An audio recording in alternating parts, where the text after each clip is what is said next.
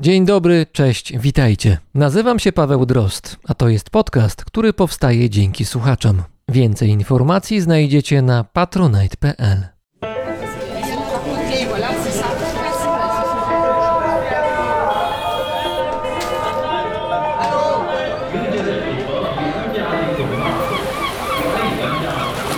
Brzmienie świata z lotu Drozda.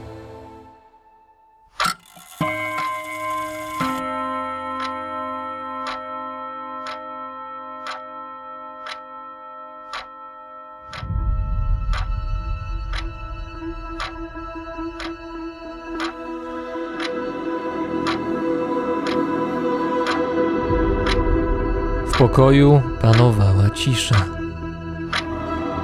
Po jednej jego stronie wisiały ciężkie kotary, drugą zajmowała ugryziona zębem czasu sofa z nadmiarem poduszek, owalne lustro, mały stół z tanią porcelaną, a nad nim zegar. Całość tonęła w półmroku. Z pozoru zebrani w środku ludzie zachowywali niezmącony spokój, chociaż wewnątrz byli spięci i niepewni tego, co może się wydarzyć. W rogu sali, na dużym krześle, siedziała krępej budowy kobieta. Ciemne, krótkie włosy i równie ciemna, długa suknia, którą trudno było uznać za modną. Nic szczególnego. To, co wyróżniało ją spośród zebranych, to opaska na oczach. Był styczeń 1942 roku. Gdy tylko Helen poruszyła się na swoim krześle, skupiły się na niej spojrzenia. Słyszeć o jej umiejętnościach to jedno, ale zobaczyć seans na własne oczy to już inna historia. Z ust Helen wydobył się rodzaj bulgotu i widzowie ujrzeli wypływającą stamtąd trudną do określenia zawiesinę. Spływała obficie po obrodzie kobiety, aż osiadła na kolanach i tam zaczęła się gromadzić. Ektoplazma. Publiczność dostrzegła, że substancja rośnie i po chwili układa się w kształt przypominający ludzką postać. Postać z marynarską czapką na głowie miała w sobie coś trupiego. Helen, pozbywszy się z ust resztek ektoplazmy, odezwała się do zebranych. Wyjaśniła, że widzą ducha marynarza, który powiedział, że niedawno zginął na morzu. Gdy dodała, że chodzi o HMS Beram, dwaj oficerowie obecni na sali spojrzeli na siebie w osłupieniu. Znali tę nazwę. Po raz pierwszy tajemnicę państwową zdradził żołnierz, który był martwy.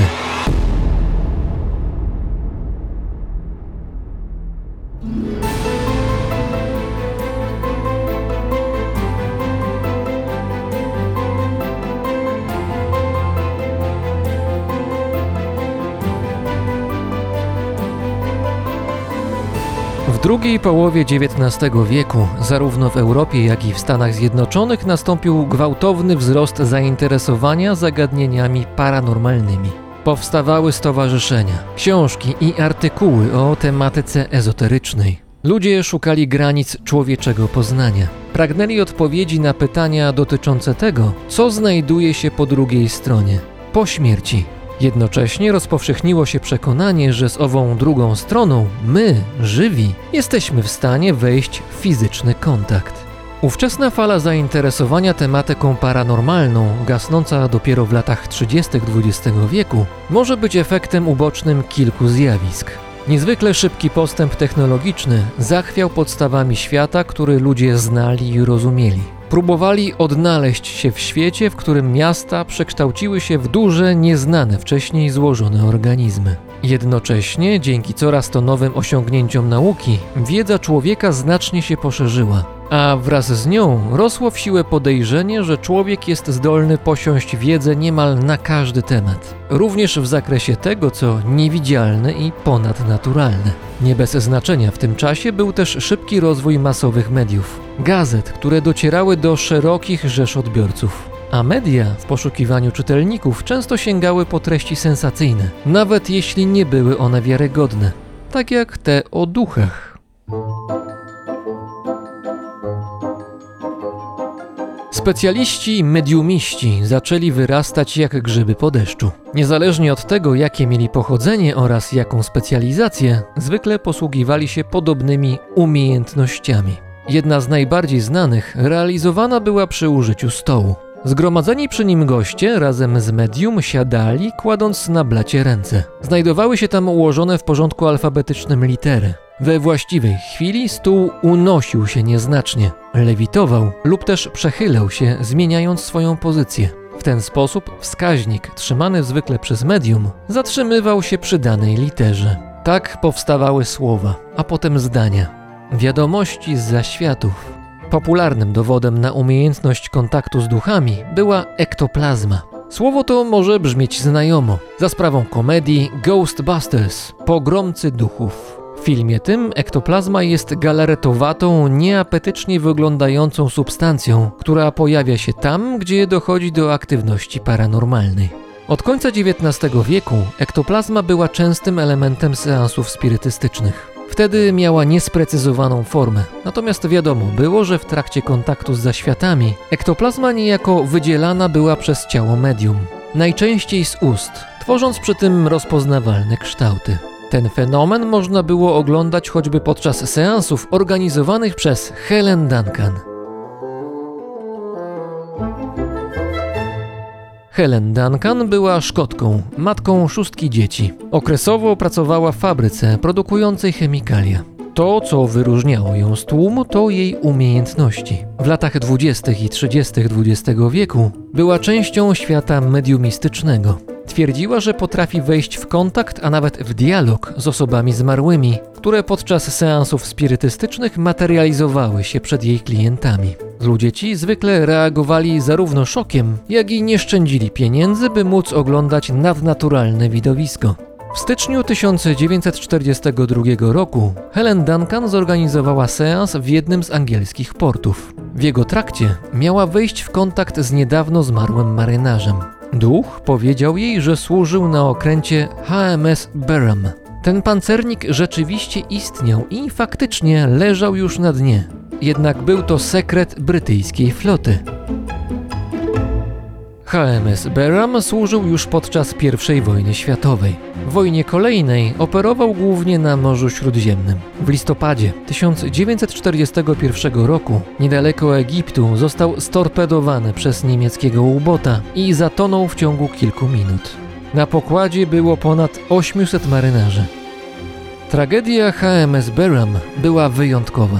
Po pierwsze, moment eksplozji na pokładzie oraz samo zatonięcie jednostki zostało sfilmowane. W historii jedynie w trzech przypadkach kamera zarejestrowała koniec dużych okrętów. Pozostałe dwa to austro-węgierski pancernik SMS St. Istvan, storpedowany przez Włochów w 1918 roku oraz amerykański pancernik USS Arizona, zatopiony podczas nalotu na Pearl Harbor w roku 1941. Nagrania są dostępne w sieci. Mimo, że zatopienie HMS Berham zostało utrwalone na taśmie filmowej przez Brytyjczyków, Niemcy nie byli pewni, czy okręt został zniszczony. Wiedząc o tym, Londyn zarządził zakaz rozpowszechniania informacji na ten temat. Nie chciano ułatwiać przeciwnikowi pracy. Jednocześnie podjęto decyzję, że rodziny poległych marynarzy muszą zostać powiadomione. Przekazano im jednak wyraźnie, że los HMS Berham musi pozostać tajemnicą dla dobra państwa. Gdy podczas seansu spirytystycznego Helen Duncan mówi o duchu marynarza zrzeczonego pancernika na krótko po jego zatopieniu, obecni na miejscu dwaj brytyjscy oficerowie są zszokowani. Kobieta nie tylko wie więcej niż powinna, ale do tego ujawniony został sekret dużej wagi. Niezależnie od tego, czy w grę wchodzą ponadnaturalne moce, czy też nie. Sprawa zostaje zgłoszona policji. Ta krótko potem aresztuje Helen Duncan i stawia ją przed sąd. Tylko z jakiego paragrafu można ścigać spirytystkę znającą wojskowe tajemnice? Z pomocą przyszła Witchcraft Act, ustawa o czarach z 1735 roku. W XVIII wieku prawo to miało na celu zatrzymanie polowań na osoby określone jako czarownicy lub czarownicy, ponieważ niejednokrotnie kończyło się to ich śmiercią. Zgodnie z ustawą o czarach, twierdzenie, że ktoś praktykuje czary lub dysponuje magicznymi zdolnościami jest zabronione.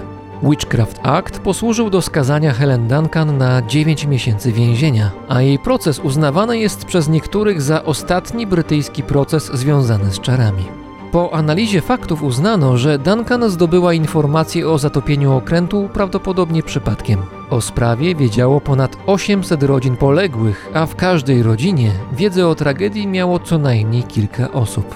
Przy tak dużej grupie ludzi utrzymanie tajemnicy nie mogło trwać długo. Londyn przyznał się publicznie do straty dwa miesiące po zatopieniu pancernika.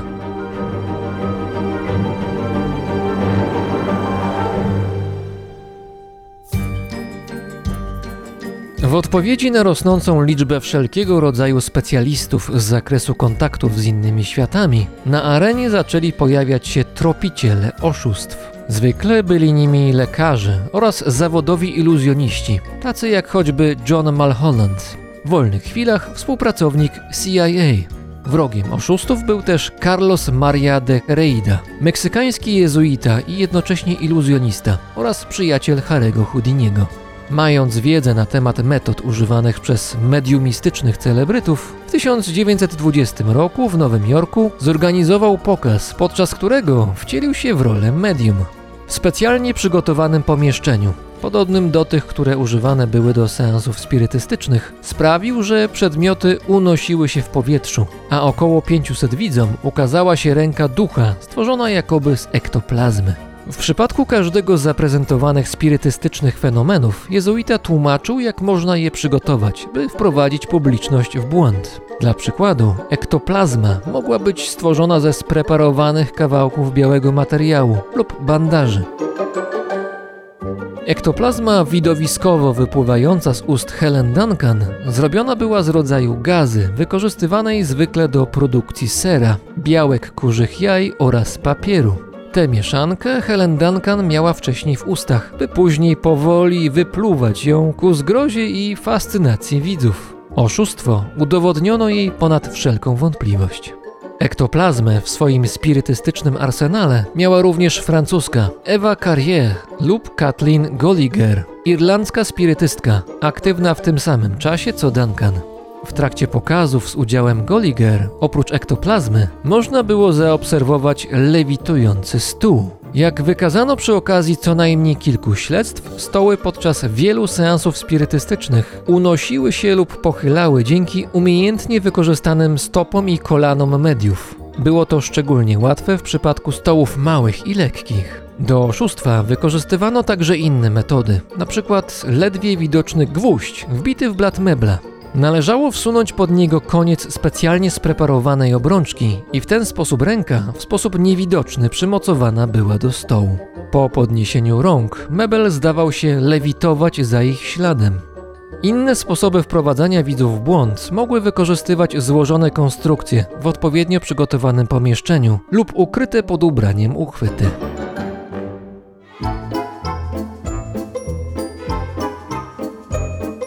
Wspomniany jezuita, tropiący paranormalnych oszustów, zajmował się też zdjęciami, które jakoby miały przedstawiać duchy lub ludzkie kształty, przypadkiem zarejestrowane na zwykłych fotografiach. Były one popularne pod koniec XIX wieku w USA i w części Europy. Istnieli nawet wyspecjalizowani fotografowie spirytyści. Za odpowiednią opłatą wykonywali zdjęcia ludzi, obok których mieli pojawiać się ich niewidzialni, zmarli bliscy.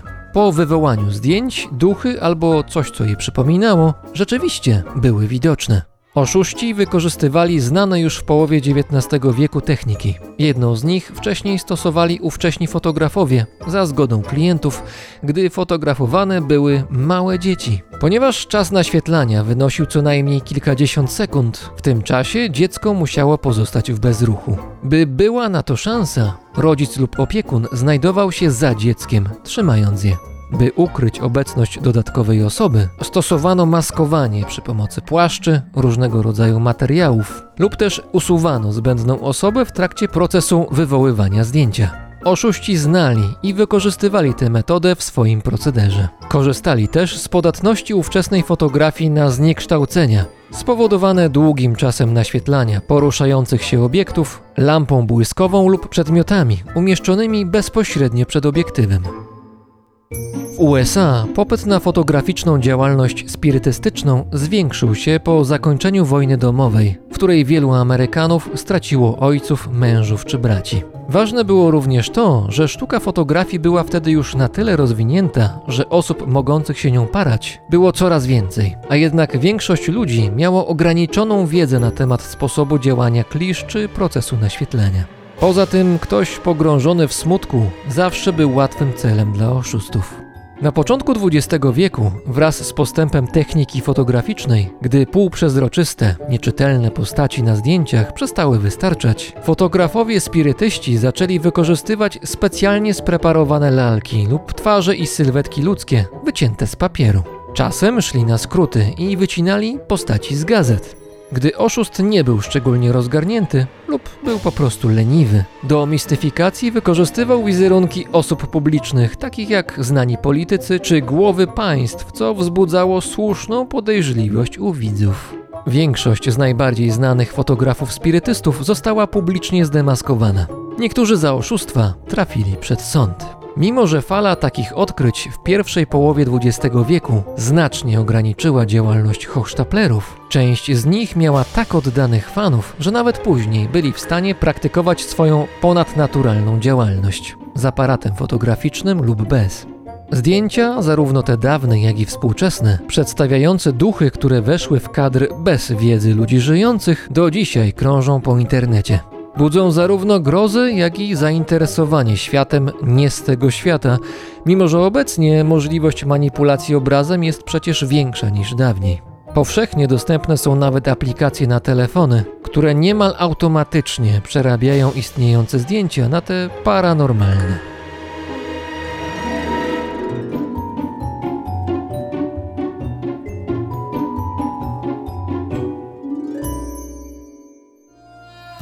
Tym odcinku mowa będzie o zdjęciach. Zdjęciach przedstawiających jak najbardziej realne i niełatwe życie ludzi, wśród których ważną część stanowią rodacy Helen Duncan.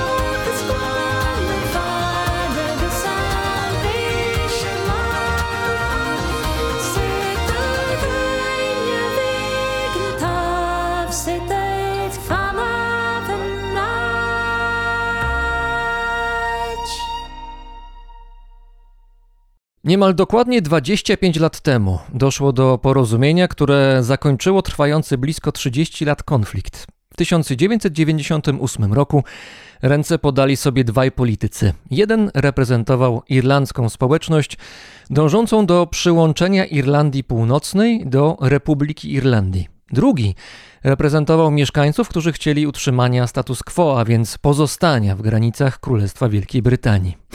Krótko potem obaj sygnatariusze otrzymali pokojową Nagrodę Nobla, a siedem lat później organizacja terrorystyczna IRA ogłosiła rozbrojenie. Konflikt w Irlandii Północnej został zakończony. Przynajmniej na papierze, ponieważ ludzie zmieniają się wolniej niż dokumenty. Razem z nami w Belfaście jest fotograf dokumentalny i mieszkaniec tego miasta, Mariusz Śmiejek. Dzień dobry, cześć. Dzień dobry, witam bardzo serdecznie z Belfastu, słonecznego, co jest taką nietypową sytuacją bardzo.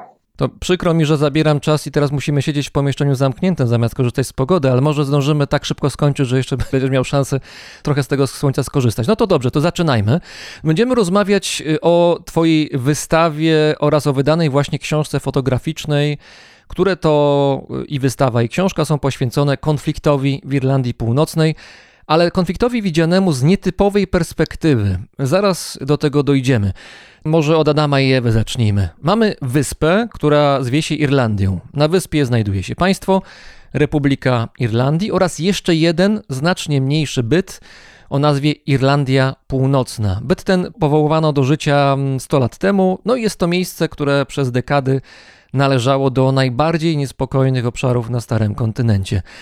Źródeł tamtejszych niepokojów, no mówiąc wprost, krwawego konfliktu, trzeba szukać nie 100 lat temu, ale znacznie wcześniej. Właściwie to moglibyśmy nawet spokojnie się cofnąć do wieków średnich, kiedy na wyspie Irlandia coraz częściej pojawiali się Anglicy, którzy no, z czasem podporządkowali sobie mieszkających tam Irlandczyków. Tak, dokładnie. Jest to konflikt, który znamy najbardziej z czasu The Troubles, czyli z kłopotów, ale możemy sięgnąć śmiało do takiego bardziej zaognionego konfliktu, czy próby ustanowienia Irlandii jako części Zjednoczonego Królestwa, które sięga XVII wieku. Oczywiście Anglicy pojawili się na wyspie w miarę wcześniej i sytuacja wyglądała w ten sposób, że od 1609 roku doszło do tak zwanej plantacji Alsteru, czyli chodziło głównie o przesiedlenie Szkotów, Anglików i Walijczyków do Irlandii po to, żeby przejąć kontrolę nad wyspą, czyli jest to konflikt czysto terytorialny od samego początku. On jest uważany bardzo często za konflikt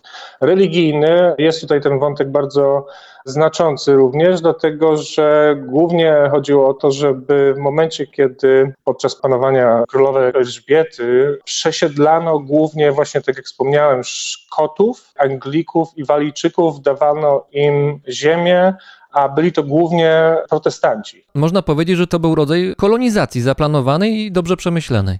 Tak, była to kolonizacja przez Irlandczyków, republikanów to słowo kolonizatorzy jest bardzo często używane i oni czują się cały czas w Irlandii Północnej głównie jako okupowana część przez Zjednoczone Królestwo. Teraz tak, mamy dwie zasadnicze strony konfliktu. Mamy unionistów, czyli tych, którzy trzymają się z Wielką Brytanią i nie chcą tych związków z Wielką Brytanią porzucić, i mamy republikanów, czyli zwolenników przyłączenia Irlandii Północnej do Republiki Irlandii.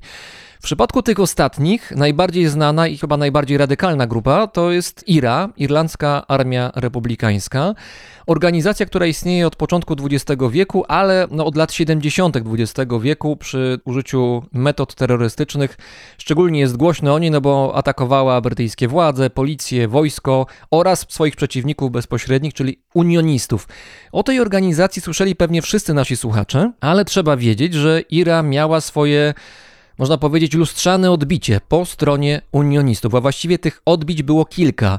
No i tutaj pojawiasz się ty, pojawia się Mariusz Śmiejek ze swoim aparatem. Jest rok 2010.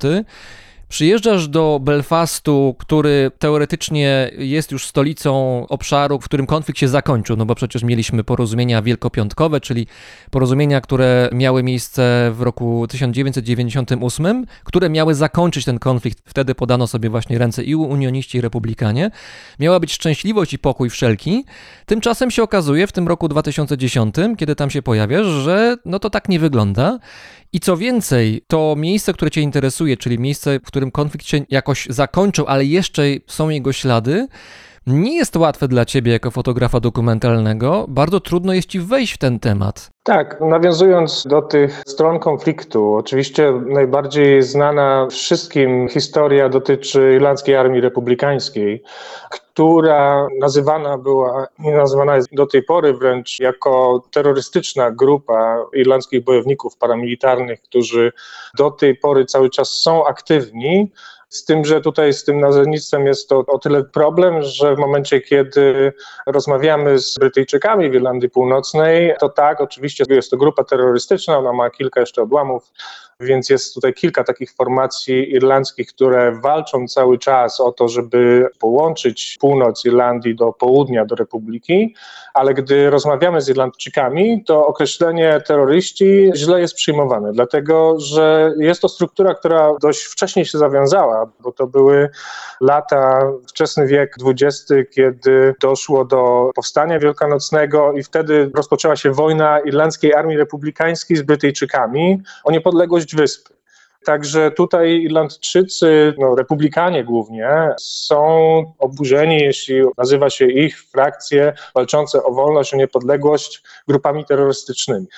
To nawet nazewnictwo jest bardzo delikatne. Poruszamy się po terenie Irlandii Północnej, w zależności od tego, z kim rozmawiamy, czy są to Brytyjczycy lojaliści, czy unioniści, czy są to Irlandczycy republikanie to trzeba te słowa bardzo tutaj delikatnie dobierać, żeby ci rozmówcy nie poczuli się w jakiś sposób dotknięci, no, żeby kontynuować tą dyskusję, więc... Tu bym chciał jeszcze powiedzieć, żebyśmy sobie wyobrazili trochę o czym mówimy, to znaczy po pierwsze troszkę irlandzka armia republikańska na początku XX wieku była trochę tak jak, nie wiem, jak Piłsudski z kolegami, którzy i z różnymi innymi organizacjami, którzy w Polsce próbowali Polskę no, przywrócić na mapę Europy, mniej więcej.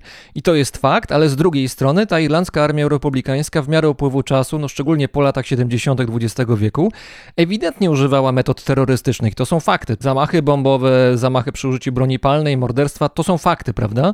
Ale oczywiście rozumiem to, że w momencie, kiedy jesteś tam na miejscu i masz perspektywę dwóch stron, no to rzeczywiście trzeba uważać na słowa. No oczywiście tutaj sposoby odzyskania tej niepodległości są bardzo krwawe i pochłonęły też wielu cywilów, więc są to działania, które można nazwać terrorystycznymi, jeśli chodzi o podkładanie bomb czy zamachy w takim stylu, w którym my dziś znamy doskonale z mediów, które opisują islamistów na przykład. Były to w czasach The Troubles i po The Troubles, no takie akcje, które można bardzo mocno połączyć z akcjami terrorystycznymi innych organizacji światowych, więc no jest to problem jeszcze tego typu, że Irlandzka Armia Republikańska na samym początku wywodziła się z tej grupy politycznej Sinn Féin i ona jest do tej pory cały czas kojarzona z tą grupą polityczną, która zresztą wygrała ostatnie wybory, zdobyła większość w parlamencie, ale odcina się od tych związków z IRA, tym bardziej jeśli chodzi o Jerego Adamsa, który podkreśla, że on nigdy nie miał związku z organizacją. To jest lider Sinn Féin, trzeba podkreślić. Tak. Wracając do mojego początku, do tego, w jaki sposób się znalazłem na wyspie, pamiętam z przekazów takich telewizyjnych z czasów jeszcze PRL-u, gdzie mieliśmy dostęp bardzo zresztą ograniczony do tego, co się dzieje na świecie, ale ta irlandzka armia republikańska i jej walki o niepodległość przedostawały się do naszych mediów takich typu dziennik telewizyjny, więc to były obrazy, które zapisały mi się w pamięci na, na długo i to jest chyba jeden z pierwszych konfliktów jako dziecko, które pamiętam jako dziecko, które docierały do mnie. Dlatego w momencie, kiedy się zdecydowałem na to, żeby zbadać głębiej podłoże konfliktu i tą społeczność postkonfliktową, przyjechałem do Belfastu i to, co zobaczyłem, zupełnie mnie rozłożyło na łopatki. Jakby nie spodziewałem się, że to miejsce wygląda w tak straszliwy sposób, tak okropny, jeśli chodzi o to jak można sobie wyobrazić podziały pomiędzy społecznościami, które po konflikcie są zmuszone wrócić do jakiejś normalności i funkcjonować ze sobą, mając świeże jeszcze wspomnienia z czasów The Troubles od końca lat 60 przez 30 lat. Głównym problemem było to też, że nie można było prowadzić zbyt wielu spraw dotyczących zabójstw czy aktów terrorystycznych w Irlandii Północnej, dlatego że stwierdzono, że ponad połowa w ogóle mieszkańców Irlandii Północnej była bardzo blisko w jakiś sposób połączona z tymi wszystkimi aktami. Więc to no, jest dość trudne. Wiele z tych sytuacji, które sięgają czasów kłopotów, nie zostało wyjaśnionych do dziś. Wiele spraw się toczy, cały czas one są przywracane do życia żeby znaleźć sprawców, żeby znaleźć winnych i żeby ich ukarać. Tutaj już kilka razy wspominałeś hasło The Troubles, kłopoty. To jest to słowo, którym w Irlandii Północnej określa się no, te sytuacje, które miały miejsce na przestrzeni około 30 lat, kiedy sytuacja w Irlandii Północnej była najbardziej napięta.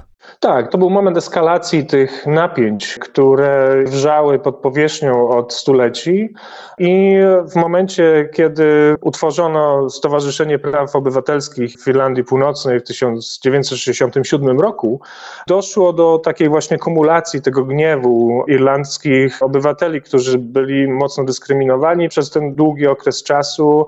No i od tego wszystko się zaczęło, bo w 1969 roku sytuacja wymknęła się spod kontroli, więc zostały wysłane wojska w celu zaprowadzenia porządku.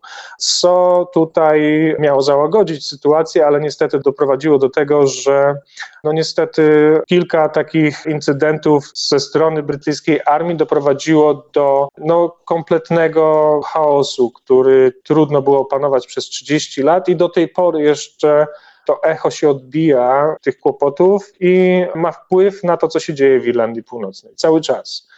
Tylko mówię, my tutaj to znamy od strony Irlandzkiej Armii Republikańskiej, a z drugiej strony, w momencie, kiedy zacząłem badania na temat konfliktu, na temat tego, w jaki sposób wygląda społeczeństwo postkonfliktowe, to bardzo szybko zdałem sobie sprawę, że to jest temat bardzo delikatny, że cały czas jest to aktywny konflikt, którym te strony obie, czyli i irlandzka, i brytyjska, mają swój udział taki czynny, aktywny i są prowadzone i kontrolowane przez grupy paramilitarne po obu stronach, czyli brytyjskie grupy paramilitarne, które również powstały podczas The Troubles, żeby mimo tego, że mieliśmy wojsko brytyjskie, to sąsiedzi brytyjscy sami z siebie stworzyli organizacje nielegalne, które miały na celu bronić się przed republikanami, przed irlandzką armią republikańską, przed ich atakami i bronić swoich obywateli przed atakami terrorystycznymi.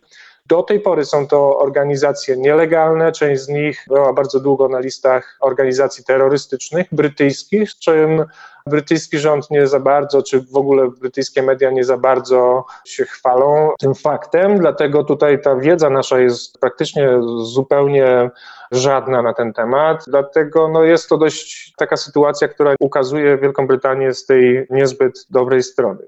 To brzmi nie najlepiej, prawda? Jak gdzieś w mediach się pojawia hasło brytyjska organizacja terrorystyczna. Właściwie to kilka, bo można powiedzieć, że są trzy główne, prawda? Z tych paramilitarnych organizacji unionistycznych, które wspierają tę stronę brytyjską.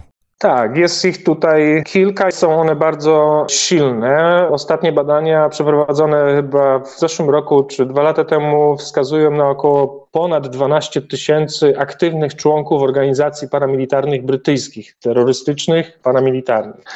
I jest to Ulster Voluntary Force, czyli to jest UVF, która jest tutaj najbardziej powiedzmy aktywna. Później jest jeszcze UDA, czyli jest Ulster Defense Association, no oraz Red Hand Commando. To jest też grupa, która dość długo tutaj miała połączenie z tą grupą UVF i kontrolują one dość dużą część Irlandii Północnej, głównie obszarów, w których zamieszkuje klasa pracująca brytyjska no, rządzą się tutaj swoimi prawami. Tych praw trzeba przestrzegać, trzeba się dostosować do tego, w jaki sposób te struktury paramilitarne wyobrażają sobie to, w jaki sposób walczyć o Unię z Wielką Brytanią, żeby kraj, w którym mieszkają, w którym się urodzili, cały czas należał do Unii z Wielką Brytanią, bo musimy tutaj pamiętać, że cała struktura wygląda, jeśli mówimy o, o Zjednoczonym Królestwie, no to mówimy o Zjednoczonym Królestwie Wielkiej Brytanii i Irlandii Północnej, więc Tutaj te unie się rozpoczęły dość wcześnie. Anglia już w XVI wieku najpierw podpisała unię z Walią, później w XVIII wieku ze Szkocją. No i w XIX wieku, w 1801 roku doszło do Unii Anglii z całą Irlandią, nie tylko z Irlandią Północną, bo później doszło do podziału wyspy. Więc unioniści, bo to są ludzie, którzy w ten sposób się nazywają i chcą, żeby ich nazywać, i to są obywatele, którzy nie do końca zgadzają się też z tym, w jaki sposób rządzą się paramilitarni tutaj i nie popierają ich działań, ale za wszelką cenę chcą utrzymać Unię z Wielką Brytanią w Zjednoczonym Królestwie. Spójrzmy teraz na Belfast od strony krajobrazowej może. To jest nietypowe miasto, nawet jeżeli człowiek nie wie, jaka jest jego historia, co tam się dzieje, co tam się działo jeszcze nie tak dawno, to widać gołym okiem, że to nie jest zwyczajne miasto typu jak, nie wiem, w Polsce byśmy porównali Gdańsk, Warszawa, Poznań, Kraków czy jakiekolwiek inne miasto średniej wielkości w Europie. To jest miasto specyficzne widać to na pierwszy rzut oka. Tak, Belfast ma swoją historię, która dotyczy właśnie kłopotów i konfliktu, ale znany jest też z tego, że tutaj powstał Titanic na przykład, co w tej chwili jest takim kluczowym argumentem dla turystów, którzy wybierają to miejsce do tego, żeby je odwiedzić. Ono było najbardziej pokrzywdzone też podczas kłopotów Ponad połowa ofiar konfliktu zginęła właśnie w Belfaście.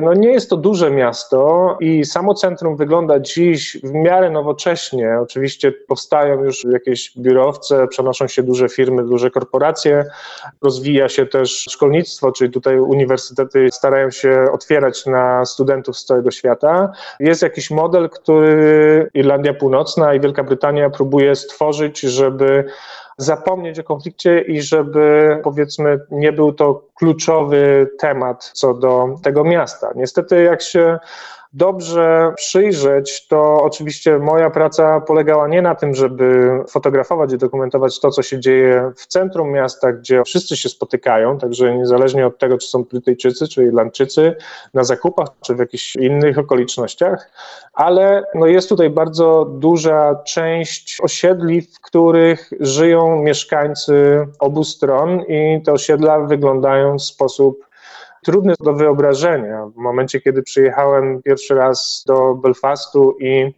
po pierwszym takim moim spacerze w tych dzielnicach właśnie najbardziej dotkniętych konfliktem, Pierwsze, co się rzuca w oczy, są to mury pokoju, ściany pokoju, tak zwane, bo tak są nazywane te konstrukcje, których działaniem, zadaniem jest oddzielenie sąsiadów irlandzkich od brytyjskich, czyli katolików od protestantów. Są to konstrukcje, które w samym Belfaście jest ich do tej pory około 100. Najdłuższa ma kilka kilometrów i ciągnie się od samych obrzeży miasta do samego centrum, dzieląc takie dwie najbardziej radykalne dzielnice irlandzkie i brytyjskie. I wysokość tej konstrukcji w pewnych miejscach sięga nawet 7-8 metrów. Są to konstrukcje metalowe, betonowo-metalowe, przez które bardzo często nie widać drugiej strony, nie widać kto mieszka obok 100-200 metrów i mają, tak jak wspomniałem, za zadanie, żeby nie tylko dzielić tą społeczność, ale też sprawiać, żeby ona się czuła bardziej bezpieczna, żeby nie dochodziło do ataków, czyli żeby mieszkańcy mogli spać spokojnie wieczorem, wiedząc, że bramy, które się znajdują na tych ścianach pokoju, są zamykane o odpowiedniej godzinie i wieczorem i otwierane są dopiero rano. I za to odpowiedzialne są najróżniejsze osoby od działaczy społecznych, też również polityków, ale niektóre z nich są zamykane automatycznie w takich najbardziej trudnych miejscach, gdzie dochodzi do największych napięć, zamykane są automatycznie przez policję, gdzie te bramy są nadzorowane dziesiątkami kamer, żeby widzieć, co się dzieje i szybko zareagować, jeśli dochodzi do jakichś napięć i do bardzo niemiłych akcji typu rzucanie koktajli Mołotowa czy bujek pomiędzy sąsiadami. I poza tymi murami pokoju są też takie miejsca, które się nazywają interfejsami. Na styku tych dwóch różnych dzielnic są to miejsca, na których najczęściej dochodzi do konfliktów sąsiedzkich, czyli najczęściej uwikłane w te bójki czy zamieszki są uwikłani młodzi ludzie, czy to jest młodzież wieku nawet od 8-10 lat, po nastolatków, którzy bardzo często bez perspektywy spędzają dużo czasu w tych miejscach i nawet specjalnie dochodzi do tego, że poprzez media społecznościowe kontaktują się w jakiś sposób z drugą stroną, z rówieśnikami, umawiając się na, oni to nazywają rekreacyjne zamieszki, po to, żeby się nie nudzić. To jest ustawka, tak jak radykalni quasi kibice różnych grup sportowych się umawiają po meczu albo przed meczem, żeby porozmawiać przy pomocy pięści. Mniej więcej, z tym, że tutaj no, argumenty są bardzo różne i bardzo silne, no bo tak jak wcześniej wspominałem, są to powody terytorialne, religijne, jest to historia i potężna indoktrynacja, której ulegają młodzi ludzie, sterowani ciągle, ich zachowanie jest spowodowane tym, że komuś zależy na tym, żeby te zamieszki miały miejsce, czyli tutaj odpowiedzialną stroną za powodowanie napięć są zawsze struktury paramilitarne, czyli są to członkowie organizacji, które kontrolują daną dzielnicę i starają się w jakiś sposób podkreślić ich stronę i przedstawić ich pogląd na to, w jaki sposób, czy ze strony brytyjskiej, że jest to cały czas właśnie brytyjska część, brytyjska prowincja, z czym oczywiście Irlandczycy po drugiej stronie się nie zgadzają. Poza tym, że są to takie bardzo często weekendowe sytuacje, w których piątek, sobota, niedziela ci młodzi ludzie nie mają co ze sobą zrobić i dochodzi do tych starć, to bardzo często pomaga też w tym cała ta kultura brytyjska, którą Brytyjczycy oczywiście dla podkreślenia ich no, panowania na wyspie sprowadza się do tego, że ta wściekłość po drugiej stronie Irlandczyków no, wrze, doprowadza do tego, że ci sąsiedzi wychodzą na ulicę i protestują przeciwko ostentacyjnemu podkreślaniu tej brytyjskości. Jeszcze bym się chciał przy tych murach pokoju czy ścianach pokoju zatrzymać. No, to jest jakiś oksymoron. Jak może być pokój, a jednocześnie jest mur? To się ze sobą nie skleja, ale rozumiem, że w warunkach Belfastu w tym szaleństwie jest jakaś metoda, to znaczy jest realne podejście do sytuacji, że nie da się pogodzić tych dwóch stron na zasadzie podpisania jakiegoś dokumentu. Mam na myśli ten dokument z 98 roku. I ci ludzie naprawdę mogliby sobie skoczyć do gardeł, więc te mury pełnią bardzo praktyczną, realną funkcję.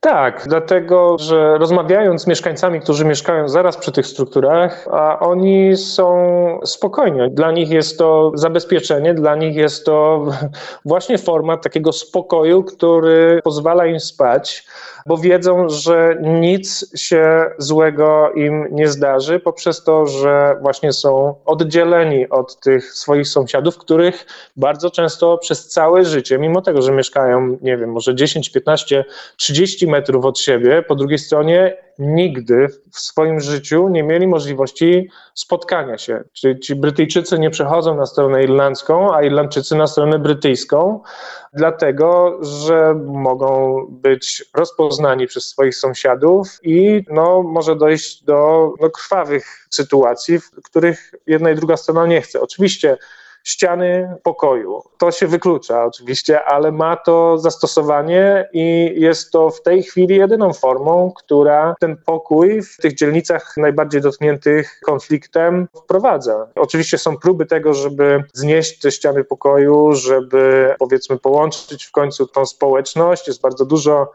organizacji pozarządowych, które wprowadzają najróżniejszego rodzaju programy cross community, czyli połączenia czy spotkania się młodych ludzi najczęściej z jednej i z drugiej strony, żeby zrozumieć to, kim są, żeby się poznać i żeby zaprzestać tej nienawiści, czyli żeby zacząć to rozpracowywać. No niestety te formy, które są stosowane, pokazują tylko to, jak bardzo jest ten proces trudny. Minęło dopiero 25 lat od zakończenia konfliktu, to nie jest dużo cały czas ci ludzie, którzy aktywnie brali udział w konflikcie, oni żyją i przekazują tą swoją wiedzę ciągle tym młodszym pokoleniom i starają się, żeby one były również aktywne i walczyły o swoje racje. Dlatego, jeśli mówimy tutaj o zmianie na przykład takich struktur murów pokoju, z czego miasto na przykład jest strasznie dumne, że zmieniają betonowe ściany na ściany metalowe, płotów, przez które ci sąsiedzi zaczynają się widzieć. Ale ciągle jest to bariera, ciągle jest to ściana, która dzieli te społeczności i tak samo wygląda to, jeśli chodzi o bramy, także one są powiedzmy otwierane tutaj niedaleko miejsca, gdzie mieszkam. Dopiero niedawno, bo w zeszłym roku została otwarta brama pomiędzy jedną a drugą dzielnicą, brytyjską i irlandzką, po kilkunastu latach nieużytkowania, więc ten proces wygląda w taki sposób, że jest możliwość przejścia na drugą stronę, do drugiego osiedla, ale tylko w ograniczonych godzinach. Tutaj powodem może być powiedzmy to, że otworzył się jakiś duży sklep, który otwiera się na obie części, brytyjską i irlandzką, więc trzeba otworzyć tutaj dojście dla wszystkich mieszkańców, żeby mogli sobie skorzystać i żeby robić zakupy no, bliżej niż jeździć gdzieś tam dalej, tracąc czas. Zresztą tutaj te enklawy, które się potworzyły przez te 25 lat, one są zrobione w taki sposób, że bardzo często ci ludzie, którzy nie chcą się mieszać w centrum miasta, nie chcą widzieć swoich wrogów, z którymi walczyli przez całe swoje życie, mają wszystko to, czego im potrzeba już we własnych dzielnicach, czyli sklepy, wszystkie usługi, wszystko jest zorganizowane tak, że jest dla Irlandczyków albo dla Brytyjczyków. I teraz to młodsze pokolenie jest bardziej otwarte i ono jednak bierze udział w tym życiu takim publicznym. W centrum miasta jest bardzo dużo organizowanych różnego rodzaju imprez, gdzie tam młodzież się miesza, z tym, że no, trudno jest wymagać od tego, żeby powiedzmy z tych klas najniższych, tych klas pracujących po obu stronach, żeby ta młodzież się otworzyła na zmianę, żeby zaczęła myśleć o tym, że w końcu czeka ich wspólna przyszłość, cokolwiek by się nie wydarzyło, to muszą nauczyć się zacząć żyć razem. Niestety te wpływy paramilitarne są wciąż bardzo silne, ta indoktrynacja po obu stronach jest bardzo intensywna i doprowadza do tego, że no, młodzi ludzie oczywiście są również werbowani do tych organizacji paramilitarnych, dla których bardzo często jest to jedno z takich wyjść, które pozwala im w swojej dzielnicy podkreślić swoją wartość. W ten sposób też oni czują, że się mogą przysłużyć społeczności, że będą stać na straży pokoju, będą gotowi walczyć o to, żeby być Irlandczykami czy być Brytyjczykami. Powiedziałeś przed chwilą, że mieszkasz niedaleko jednej z bram, przy jednym z murów pokoju, no bo zamieszkałeś w Belfaście. Tutaj wróćmy do tego roku 2010, kiedy po raz pierwszy pojawiasz się na miejscu, pojawiasz się w mieście, pojawiasz się generalnie w Irlandii Północnej. Jak powiedziałeś, jakoś ta rzeczywistość cię poruszyła, żeby nie powiedzieć mocniej, że zszokowała. I w reakcji na to, co zobaczyłeś, jak rozumiem, postanowiłeś się tam przeprowadzić, żeby być bliżej tego tematu, jakbyśmy powiedzieli po dziennikarsku, czy jak to mówią dokumentaliści, czyli wszedłeś bezpośrednio w oko cyklonu, wiedząc, że wchodzisz w miejsce, które, w którym wrze cały czas. Doskonale sobie zdałem z tego sprawę zaraz już podczas moich pierwszych wizyt w Belfaście, bo wtedy jeszcze mieszkałem w Londynie i przez pierwszy rok kilka razy w miesiącu przyjeżdżałem tutaj, żeby zacząć robić badania, więc miałem dość szybką możliwość kontaktu z ludźmi, którzy pracują w organizacjach pozarządowych i mają kontakt z organizacjami paramilitarnymi. Bardzo szybko zrozumiałem, co steruje Irlandią Północną, że są to grupy, które mają tutaj władzę i są to grupy paramilitarne po obu stronach, po tej irlandzkiej i po tej brytyjskiej, więc dotarcie do nich wymagało dużo czasu, poświęcenia i też zbudowania takich relacji, w których te osoby pozwolą mi na to, żeby zobaczyć, jak te struktury wyglądają, kim są ci ludzie, jak to wygląda na co dzień, jak oni żyją w prywatnym życiu i w jaki sposób te struktury funkcjonują w sposób też nielegalny po roku czasu byłem przekonany o tym, że jeśli chciałbym dotknąć tego konfliktu czy tej społeczności postkonfliktowej w taki sposób, w jaki ona funkcjonuje, no to obserwowanie tego raz na miesiąc przez tydzień nie wystarcza. Zdecydowałem się, żeby przeprowadzić się do Belfastu i spróbować dotrzeć do osób, które są odpowiedzialne za to, dlaczego są zamieszki na ulicach, dlaczego Irlandia jest podzielona wizualnie tak strasznie. i co kieruje tymi ludźmi, że oni cały czas 25 lat po konflikcie ciągle są gotowi do tego, żeby chwytać za broń, ciągle są gotowi do tego, żeby krzywdzić swoich sąsiadów. I pojawia się oczywiście kilka problemów. Jest to problem y, z tożsamością, która dotyczy głównie Brytyjczyków i oni tą tożsamość tutaj bardzo silnie chcą podkreślać. I stąd zaczynają się wszelkiego rodzaju kłopoty ze strony irlandzkiej. Dlatego, że tak jak już wspomniałem wcześniej, w XVII wieku doszło do przesiedlenia dużej ilości Szkotów na przykład. To mówimy tutaj o ponad 200 tysiącach osób, które zasiedliły wyspę i dzisiaj duża część tych Brytyjczyków, którzy mieszkają w Irlandii Północnej, to są tak zwani alsterscy Szkoci kultywują to swoje pochodzenie. Oni z jednej strony czują się Brytyjczykami, ale z drugiej strony doszło do Unii ze Szkocją w XVIII wieku, więc są Brytyjczykami, ale też są Szkotami. To jest troszeczkę też taki paradoks, dlatego że dzisiaj historia współczesna pokazuje, że Szkocja stara się oddzielić też od Zjednoczonego Królestwa. Ten procent osób, które walczą o to, żeby zostać niepodległą Szkocją, rośnie. Teraz tutaj mamy znowu bardzo liczną grupę osób, bo mówimy tutaj o setkach tysięcy mieszkańców, którzy cały czas czują to swoje połączenie ze Szkocją, ale jako Brytyjczycy. Czyli są w takim tożsamościowym rozkroku. Z jednej strony są poza Wielką Brytanią, no bo są Szkotami, nie są Brytyjczykami takimi pełną gębą, ale z drugiej strony są, no bo przecież muszą być, bo inaczej straciliby sedno swojej tożsamości, będąc mieszkańcami Irlandii Północnej. Tylko, że w rzeczywistości wygląda to w ten sposób, że ta brytyjska klasyfikacja społeczeństwa jest bezwzględna i ta grupa lojalistów, tutaj można przywołać tą grupę, która jest taka najbardziej aktywna. Lojaliści, czyli ci, którzy są lojalni wobec korony brytyjskiej wobec korony brytyjskiej, wobec Boga i wobec Alsteru, bo w ten sposób oni się określają jako lojalni. Duża część właśnie tych lojalistów to są alsterscy Szkoci i lojaliści są bardzo mocno powiązani z organizacjami paramilitarnymi i są jej członkami poszedłem w tą stronę, żeby zacząć badać tą grupę społeczną i sprawdzać, skąd ta ich frustracja się bierze, dlaczego to wygląda w ten sposób, że to oni właśnie najbardziej zagorzale tutaj walczą o to, żeby ta brytyjskość na wyspie była tak mocno kultywowana i dostrzegana i podkreślana. Bierze się to z tego, że w tej klasyfikacji społecznej Brytyjczyków ci alsterscy Szkoci są na samym dnie, na samym dole drabiny społecznej.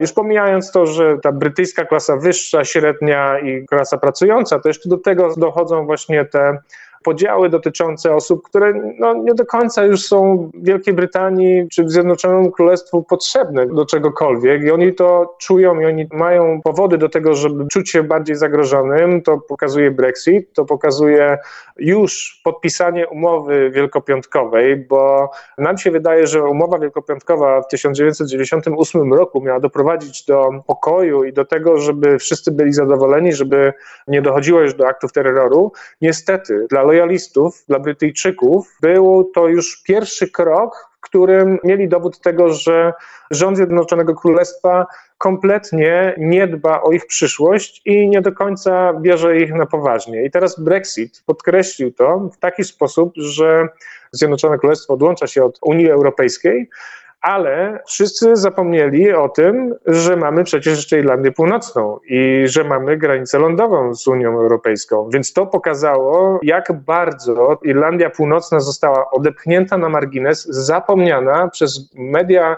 głównego nurtu w Europie czy na świecie w ogóle ona nie istnieje. Jakby dla każdego jest to stara historia, która już się dawno zakończyła i nagle Brexit podkreśla to, że no nie, mamy tutaj około dwóch milionów obywateli, z których połowa prawie, że no to są Brytyjczycy, Duża część z nich to są lojaliści, ale też Szkoci, no i trzeba coś z tym zrobić. Ten dowód na to, że politycy brytyjscy w Irlandii Północnej zupełnie się nie liczą też ze swoimi wyborcami, był taki, że oni utrzymywali bardzo długo taką informację, że oni będą walczyć o to, żeby Irlandia Północna nie pozostała poza Zjednoczonym Królestwem pod kątem nawet no, granicy, musiano wytoczyć granicę handlową, która w tej chwili znalazła się na Morzu Irlandzkim, co dla lojalistów paramilitarnych było jednoznaczne, czyli że to już jest kolejny krok do tego,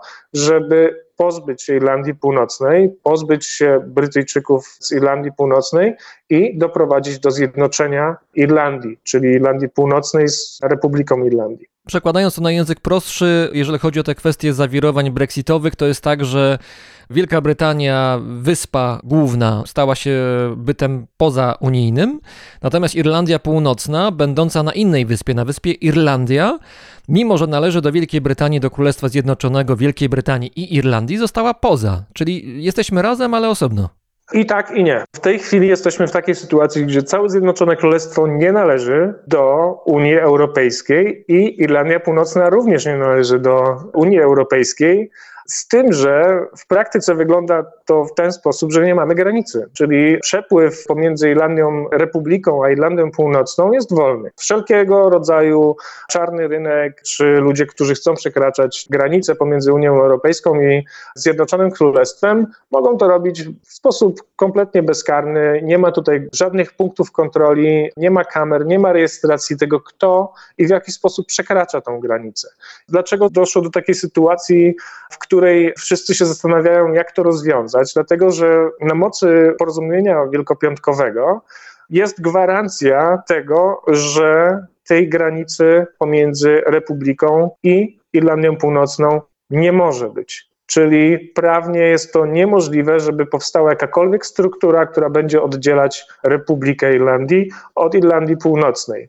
Czekamy cały czas na rozwiązanie, cały czas się dzieją tutaj polityczne sprawy, które mają to w jakiś sposób rozwiązać, ale nie jest to jeszcze do końca jasne, jak to będzie wyglądać. Są już tutaj spekulacje i są tutaj już opinie specjalistów, którzy obserwują Irlandię Północną i Republikę od dekad, że do tego zjednoczenia Irlandii w końcu jednak dojdzie. Szacunkowe przewidywania są takie, że już nawet na początku 2030 roku może dojść do pierwszych rozmów, które doprowadzą do tego, że jednak będziemy świadkami zjednoczenia Republiki.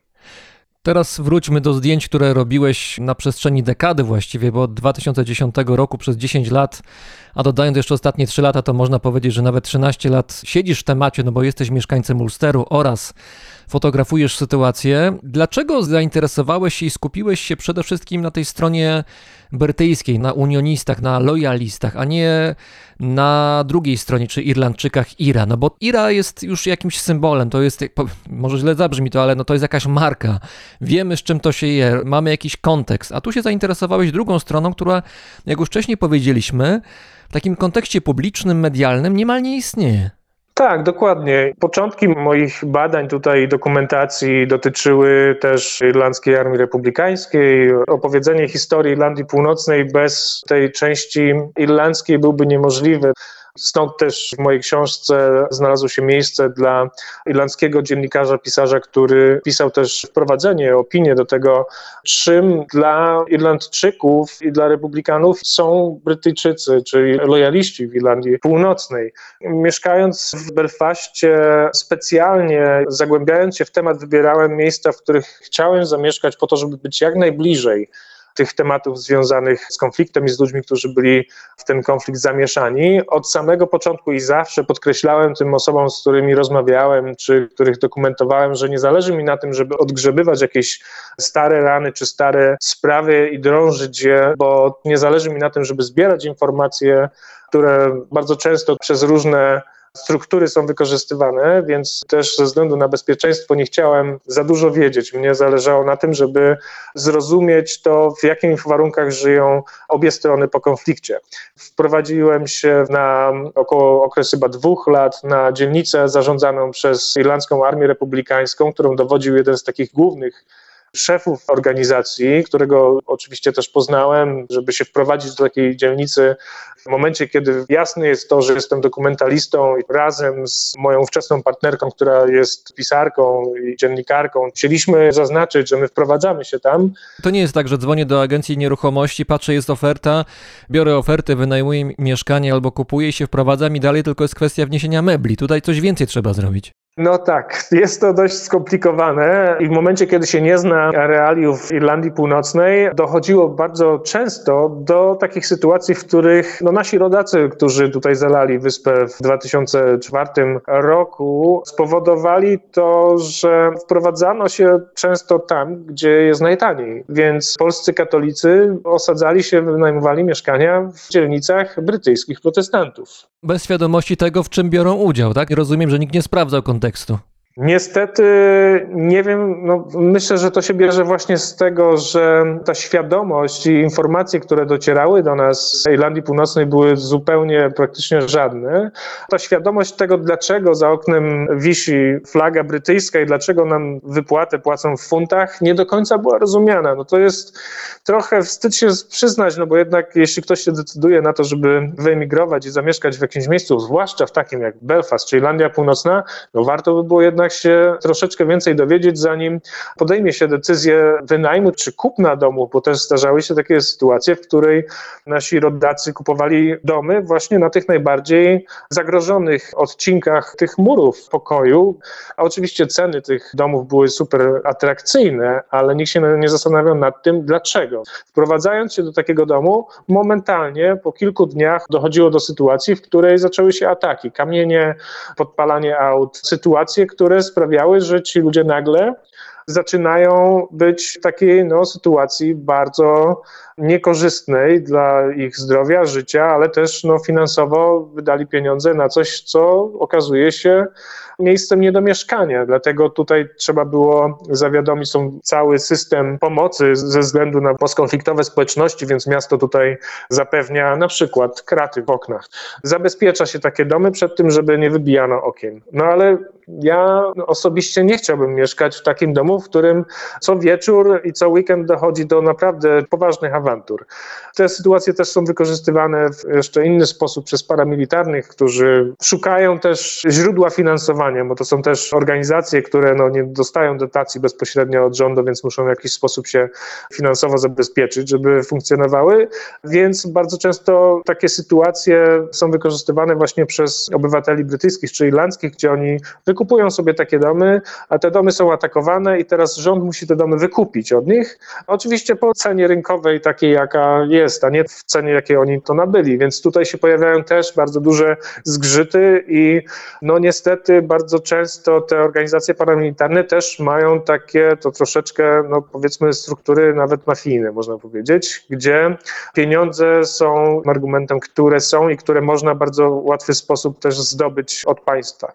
Ale wracając do tego mojego bycia w samym centrum tego oka cyklonu, czyli z jednej strony dzielnica Ira, w której momentalnie jak prowadziliśmy się, to szef dzielnicy cały, który się opiekował nią, powiedział, że możemy się czuć bezpiecznie, nic nam nie grozi, że nic się nie stanie, oni wiedzą, dziękują za to, że przyszliśmy i poinformowaliśmy ich o tym, że będziemy tam mieszkać, no ale oczywiście wiedząc to, kim jesteśmy, mieszkańcy, sąsiedzi przez cały ten okres, w którym mieszkaliśmy, no dochodziło do takiej sytuacji, że nie było nawet takiego skromnego dzień dobry albo odpowiedzi na dzień dobry, mimo tego, że Irlandczyków i Polaków bardzo przecież wiele łączy. I historia i to, że lubimy powiedzmy tutaj no przy tym Guinnessie sobie posiedzieć troszeczkę dłużej, bo Irlandczycy bardzo się z nami też identyfikują ze względu na przede wszystkim na naszą historię i na ich historię, ale mieszkając w takiej dzielnicy, robiąc to, co robiłem, mogłem być świadkiem wielu sytuacji i czuć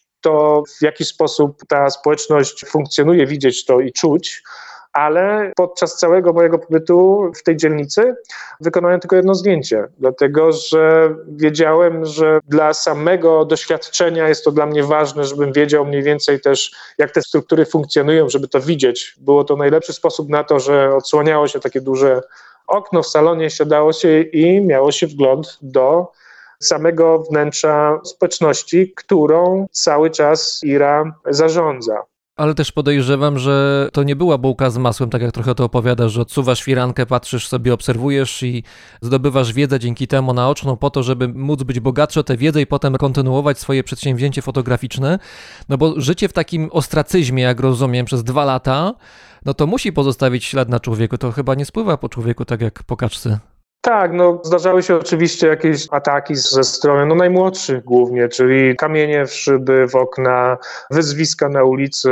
Czuć było to napięcie, czuć było tą niechęć ze strony lokalnych i sąsiadów, ale ja jestem zwolennikiem tego, że w momencie, kiedy dokumentuję coś, to staram się spiąć na tak wysoki poziom współodczuwania, żeby no, zrozumieć to, z kim mam do czynienia. I oczywiście no, nie mieliśmy tutaj bezpośredniego zagrożenia życia, dlatego stąd brak tego aparatu w momencie, kiedy tam chodziłem nawet, czy poruszałem się po dzielnicy, no ale byłem w stanie zrozumieć, jak głęboko te rany są w jaki sposób one dotykają tą społeczność. I z tej dzielnicy irlandzkiej Armii Republikańskiej była przeprowadzka do dzielnicy brytyjskiej grupy paramilitarnej, gdzie, jak się okazało, sąsiadem obok był jeden z głównych byłych bossów organizacji paramilitarnej brytyjskiej z którym zresztą też mieliśmy bardzo dużo ciekawych rozmów i bardzo wiele rzeczy on mi wyjaśnił i zrozumiałem, co jest celem funkcjonowania tych organizacji paramilitarnych,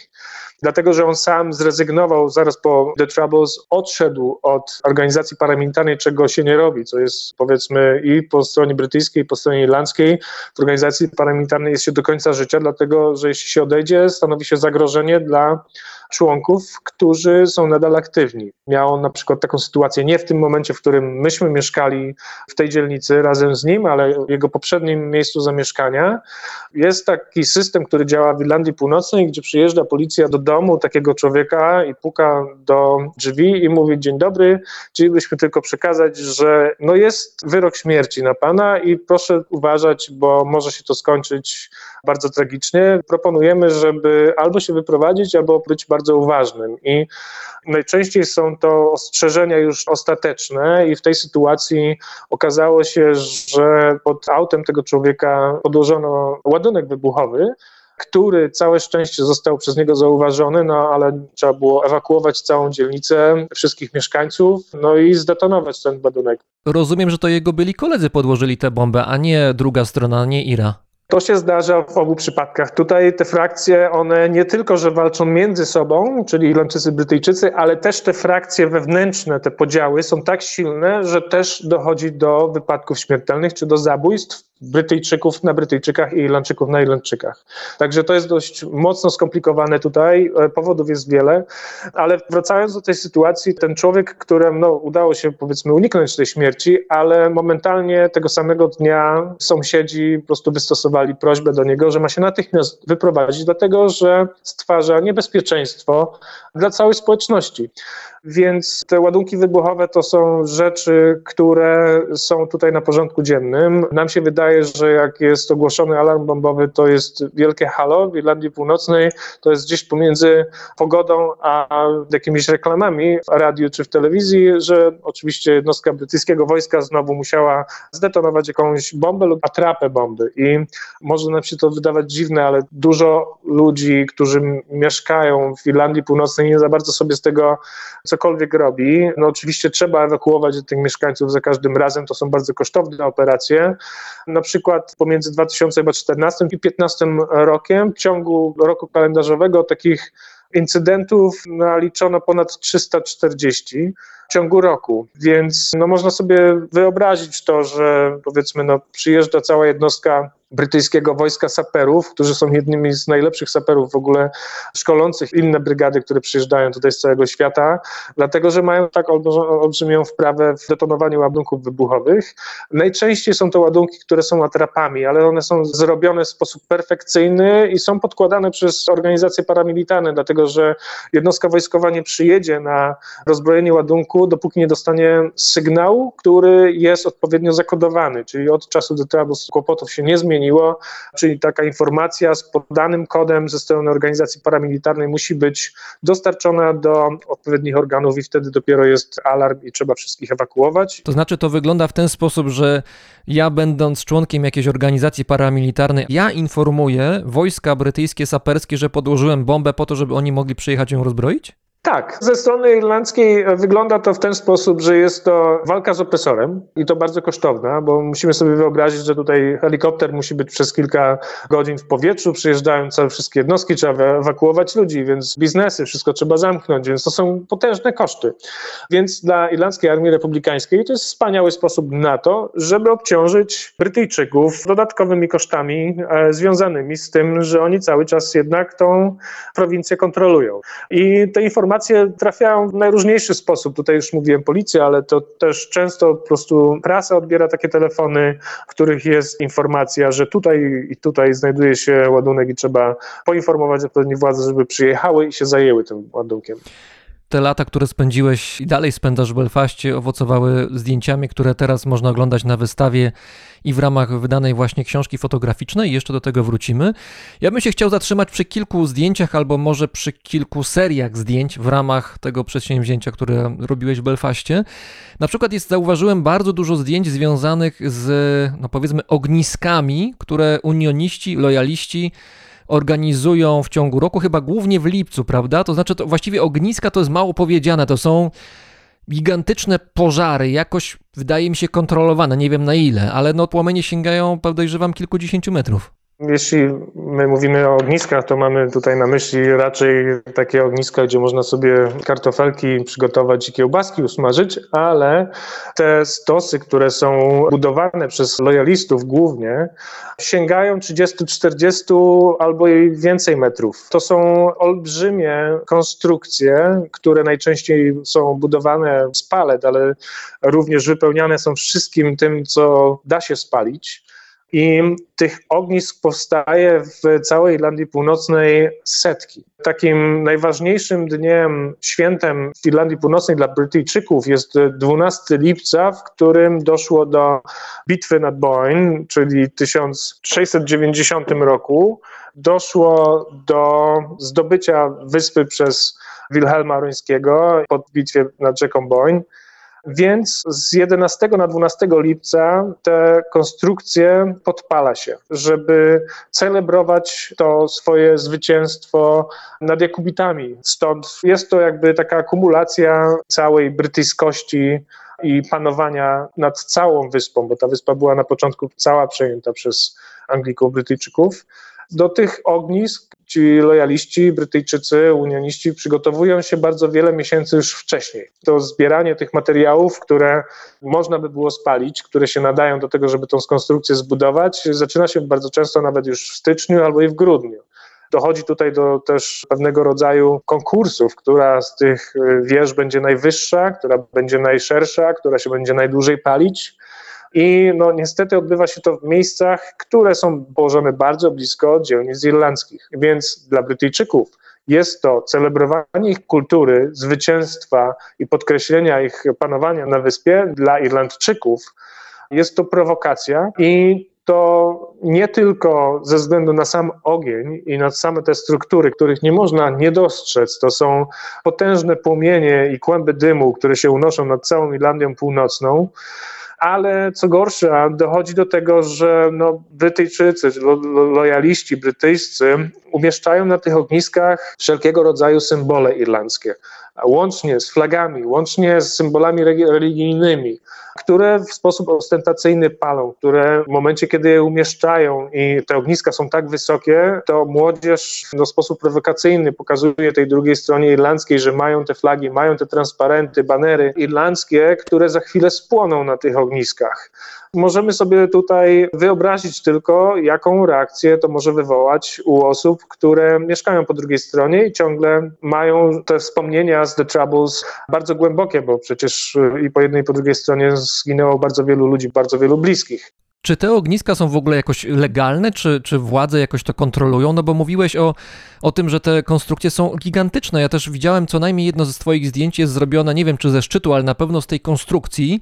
Oto tak myślę, że byłeś na wysokości, nie wiem, trzeciego, czwartego, piątego piętra jakiegoś wieżowca. To naprawdę duża wysokość. Moja ciekawość i też to, żeby znaleźć inny punkt, z którego mógłbym sfotografować. Są to tak wysokie konstrukcje, że wchodząc na sam szczyt tej konstrukcji, z której sfotografowałem, ona miała no, na pewno powyżej 20, może około 30 metrów. One są tak nie do końca legalne, te ogniska, z tym, że niestety nie można powstrzymać tak dużej ilości osób, które chcą to celebrować.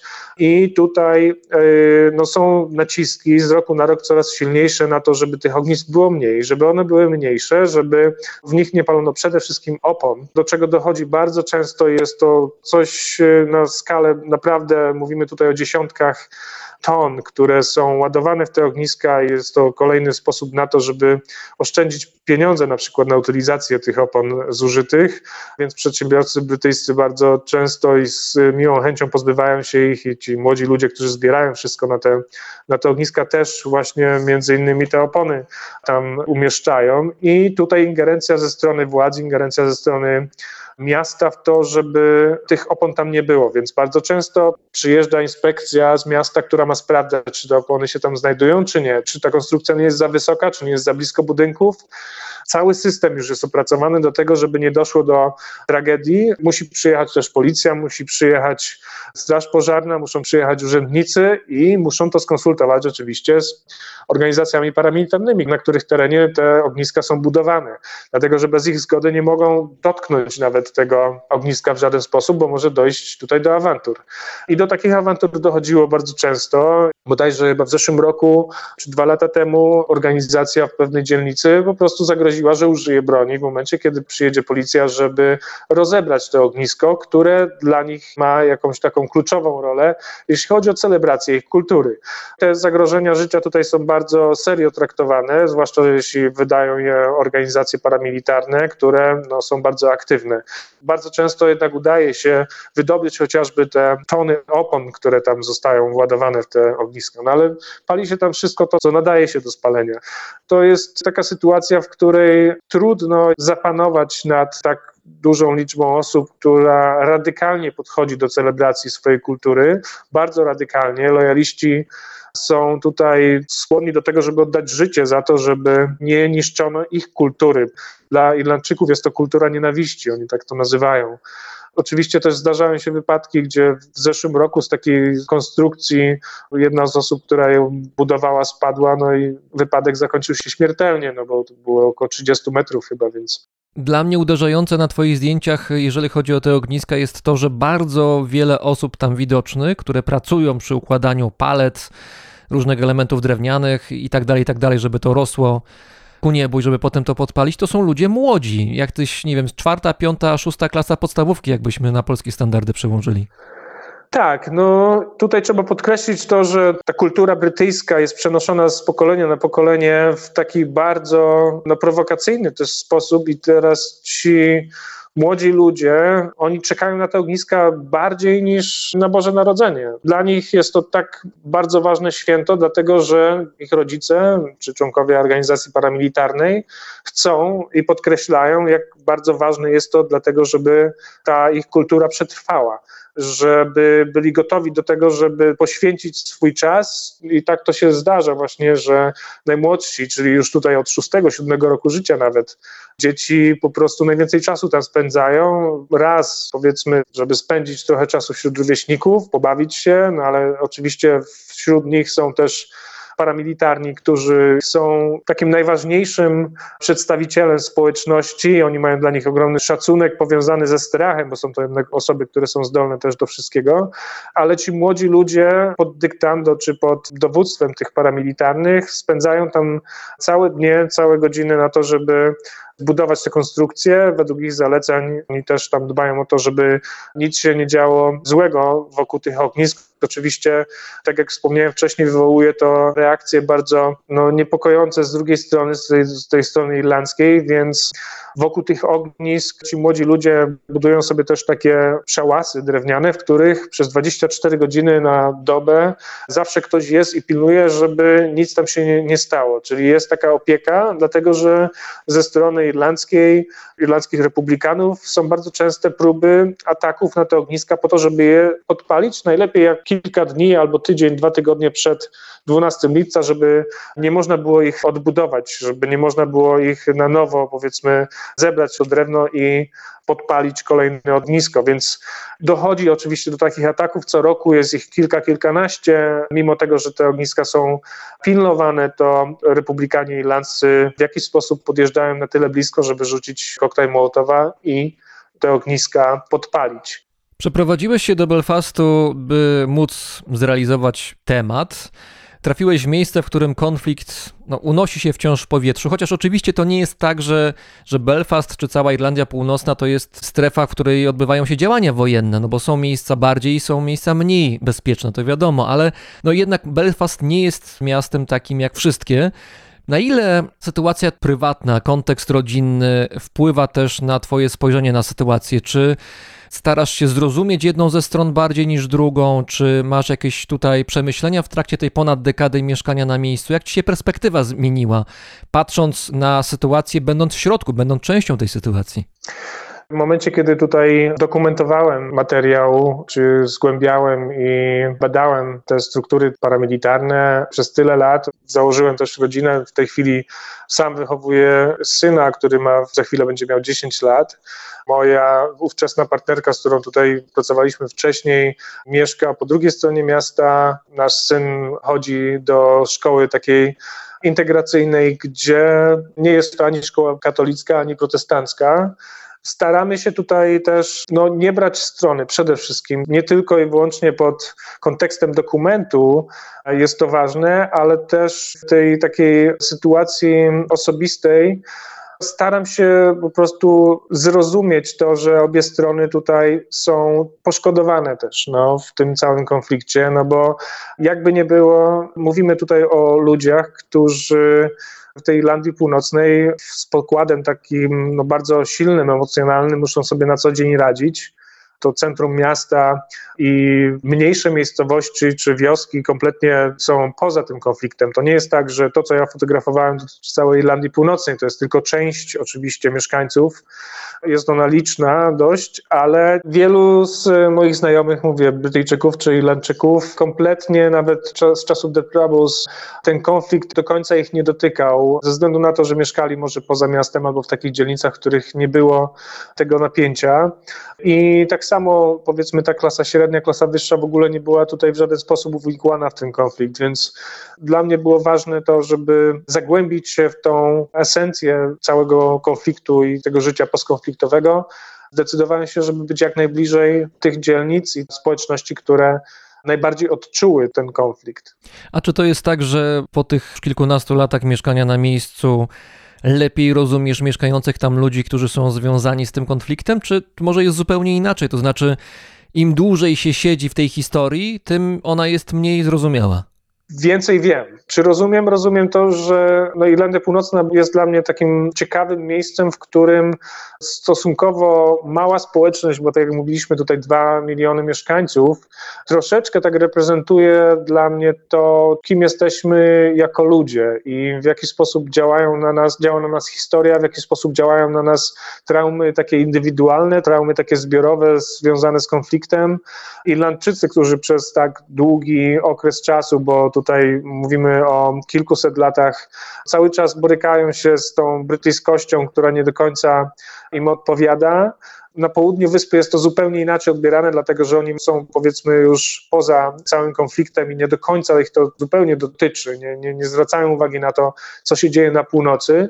Dla tych Irlandczyków, którzy mieszkają tutaj w Irlandii Północnej, no jest to ciągle coś, co przywołuje no, i wspomnienia, i bardziej jeszcze skłania ich do tego, żeby być jeszcze bardziej irlandzcy. To jednak ich ziemia, jest to ziemia, którą chcieliby odzyskać i chcieliby w końcu poczuć się swobodnie na swojej własnej wyspie. I z drugiej strony mamy Brytyjczyków, którzy już też od tylu set lat są tutaj, którzy zostali zapomnieni przez koronę i przez Wielką Brytanię, nie do końca bierze się ich pod uwagę politycznie i terytorialnie, więc no, te frustracje są tak mocno widoczne tutaj, że no, potrafię w tej chwili, nie broniąc nikogo, bo nie jest to moją rolą też, zrozumieć troszkę jedną i drugą stronę.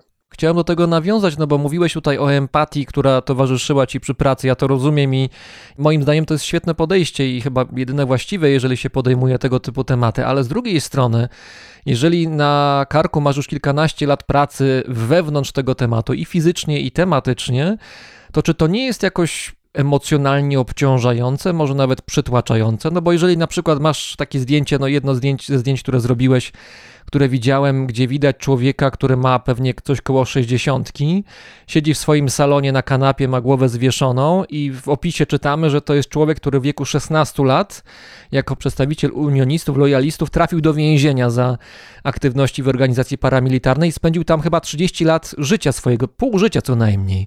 No to spotkania z takimi ludźmi, pewnie nie tylko z tym człowiekiem, jakiś ślad pewnie na tobie zostawiają staram się w stronę tej empatii pójść bardzo głęboko po to, żeby jeszcze bardziej zrozumieć tych ludzi i zrozumieć to, co czują, więc oczywiście jest to dla mnie tak samo, no może nie tak samo, ale bardzo mocno obciążające, dlatego że ten, te pokłady emocji staram się też przechwycić i spróbować później pod tym kątem obserwować, fotografować, dokumentować.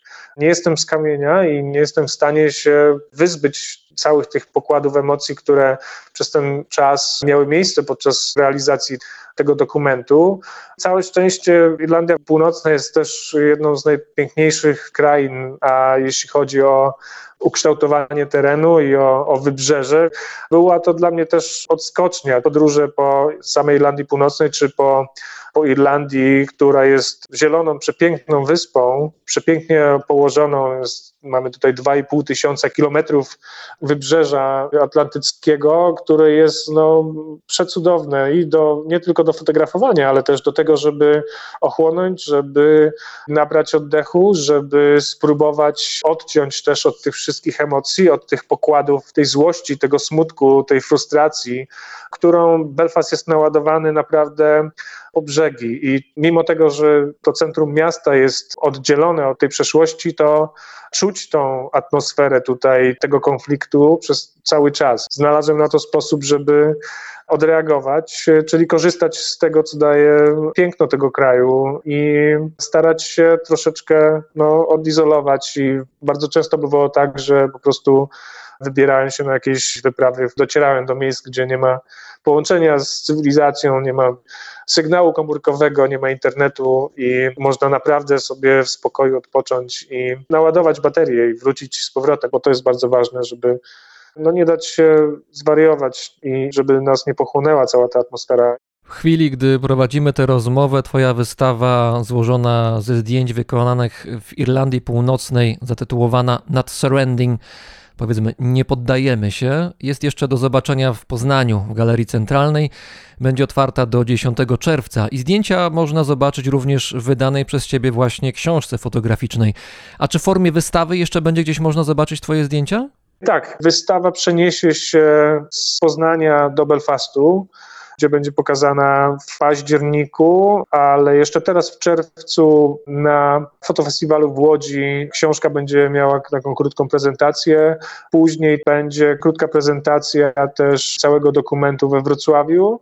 Te informacje będą na moich mediach społecznościowych. Mam nadzieję, że znajdę takie ośrodki, które chciałyby podzielić się też tą wiedzą z szerszą publicznością, więc mam nadzieję, że będzie też Warszawa, będzie Kraków. Jeśli nie w tym roku, to pewnie na początku przyszłego roku. Na to liczę. Bardzo dziękuję. Razem z nami w Belfaście był fotograf dokumentalny Mariusz Śmiejek. Bardzo dziękuję za zaproszenie i za masę pytań. Zachęcam też, powstała książka, którą moja wczesna partnerka napisała w języku polskim, Belfast 99 ścian pokoju, bo tam też jest dużo informacji, które pozwolą troszeczkę bardziej zrozumieć to, co się dzieje w Irlandii Północnej.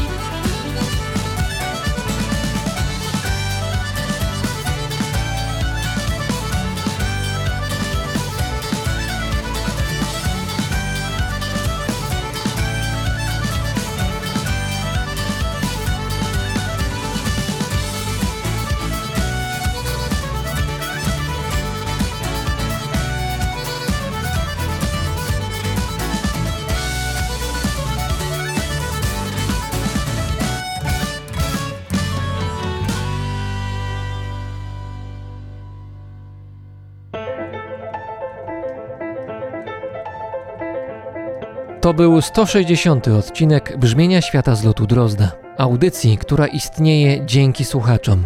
Zbiórka na Patronite trwa i można dołączyć do niej w każdej chwili, do czego zachęcam. Wszystkim patronom i patronkom dziękuję za hojną pomoc. To za Waszą sprawą ta audycja istnieje już ponad 3 lata. Dziękuję również światoczułemu patronowi Brzmienia Świata, firmie Ergo Ubezpieczenia Podróży.